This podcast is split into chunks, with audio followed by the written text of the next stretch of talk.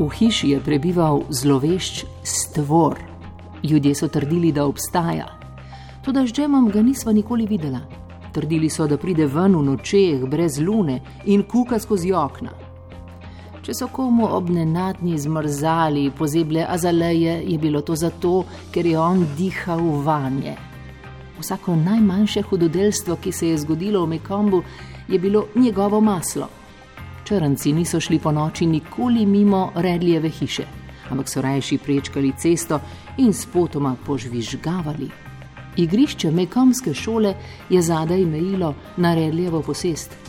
Iznad Redlijevega kokošnjaka so sadeži belega oreha padali na šolsko igrišče, vendar se jih otroci niso dotaknili.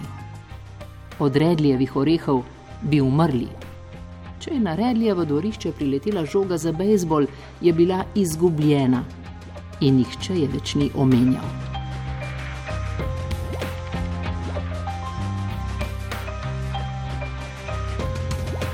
To je bil odlomek sedme strani romana Če ubiješ oponašalca.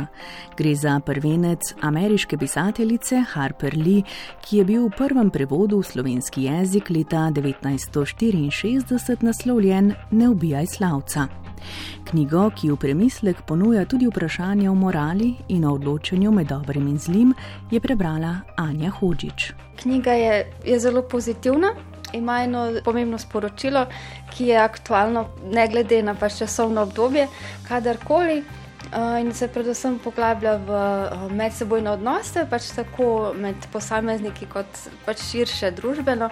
Predvsem opozarja na to, da koliko je pač pomembno medsebojno spoštovanje, um, tudi enakopravnost, načelnost um, in uh, pač človečnost na splošno, in da je potrebno nekako vedno pretresati, mogoče neke splošno sprejete resnice in jih nekako uskladiti pač s svojim čutom, s svojimi načeli in ne postati otopel recimo na mogoče slabe stvari, ki se dogajajo na splošno, ki jih ljudje pač mogoče celo eni drugim povzročajo, kar se pač kot napiše um, avtorica odraslih zelo rado zgodi. Zgodba je napisana na humoren in nekoliko zvedav način, saj jo spremljamo skozi oči nadobudne osemletnice.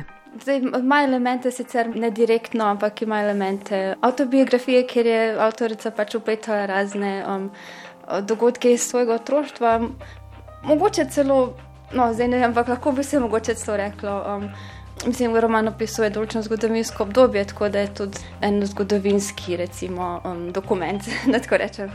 Avtorica um, piše precej zabavno in um, pravzaprav zelo lepo naslika um, vzdušja in uh, piše zelo bogato, toplo.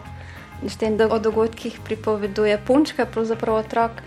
Je, je branje še toliko bolj edinstveno, recimo bolj zanimivo kot se je um, sama avtorica verjetno predstavila nazaj v otroška leta in se spomnila svojih otroških dni, se tudi bralec mogoče um, spomni kakšnih razmišljanj, recimo, iz, uh, ki so se porodile v njegovih otroških dneh.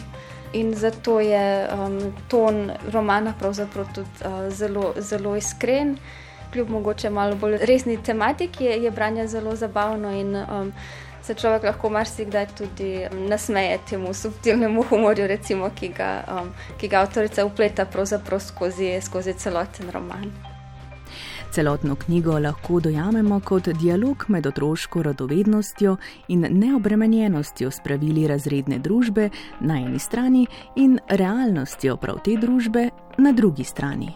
No, torej širše je roman govori o življenju v Alabami v 30-ih letih prejšnjega stoletja, opisuje situacijo takrat v, um, nasplošno v družbi in sicer predvsem um, izpostavi um, segregacijo črncev na tem območju in um, potem pač družbene dinamike v tem smislu. Ovdje se osredotoča na družino Finch. Um, pripovedovalka je um, Jean Louise Finch, torej imenovana Scout v v knjigi. Torej, zgodba je povedana skozi njeno doživljanje vseh teh dogodkov, ki so se zvrstili v teh parih letih, ki jih opisuje ta knjiga. Scout Finch opisuje svoje um, svo družinsko življenje, tu se pa je tudi njen brat, njihova um, gospodinja Kalpurnja, ki je črnka.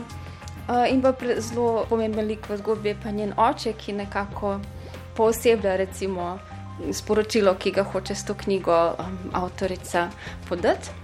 Vrhunec knjige je primer, ki, s katerim se ukvarja njen oče, ki je advokat.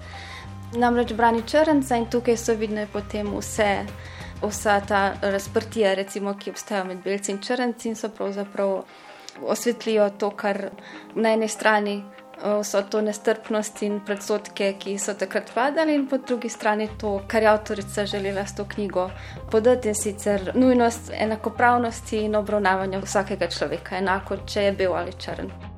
Po romanu Lijeve so posneli tudi film. Torej, filma si nisem ogledala, drugače rada gledam filme, ampak če obstaja knjiga in um, pač filmska različica, rajši najprej preberem knjigo ker si reči sama naredim sliko recimo, o, tem, um, o tem, kar preberem. In knjiga je vedno tudi bolj um, pač bogata z nekimi informacijami, ki so pač v filmu strnjene. A kar se tiče spremenjanja te knjige v film, pa kot vem, um, je tudi sama avtorica sodelovala pri tem procesu in je odobravala pač končni izdelek in je bila zadovoljna z njim. In pa je tudi navezala tesen stik z glavnim igralcem, ki je za vlogo njenega očeta tudi dobil Oscarja. Anja Hočič sicer posega po različnih knjigah, večkrat tistih, ki jih v priporočilo za branje dobi od prijateljev, od leposlovja pa vse do strokovnih knjig z področji, ki jo zanimajo. Roman Če ubiješ oponašalca uvršča med dobre knjige in ga priporoča vsem, ki krepenijo po ganljivih zgodbah in so obenem tudi kritični do sveta okoli nas.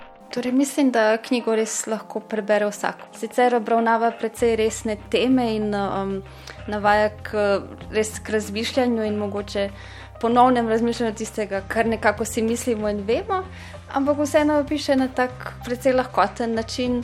Predvsej duhovito, sploh s takimi subtilnimi opaskami, recimo s svojimi opažanji, tako da je zelo užitek za branje. Se zelo gladko bere, tako da bi jo, res, bi jo priporočala praktično vsakemu.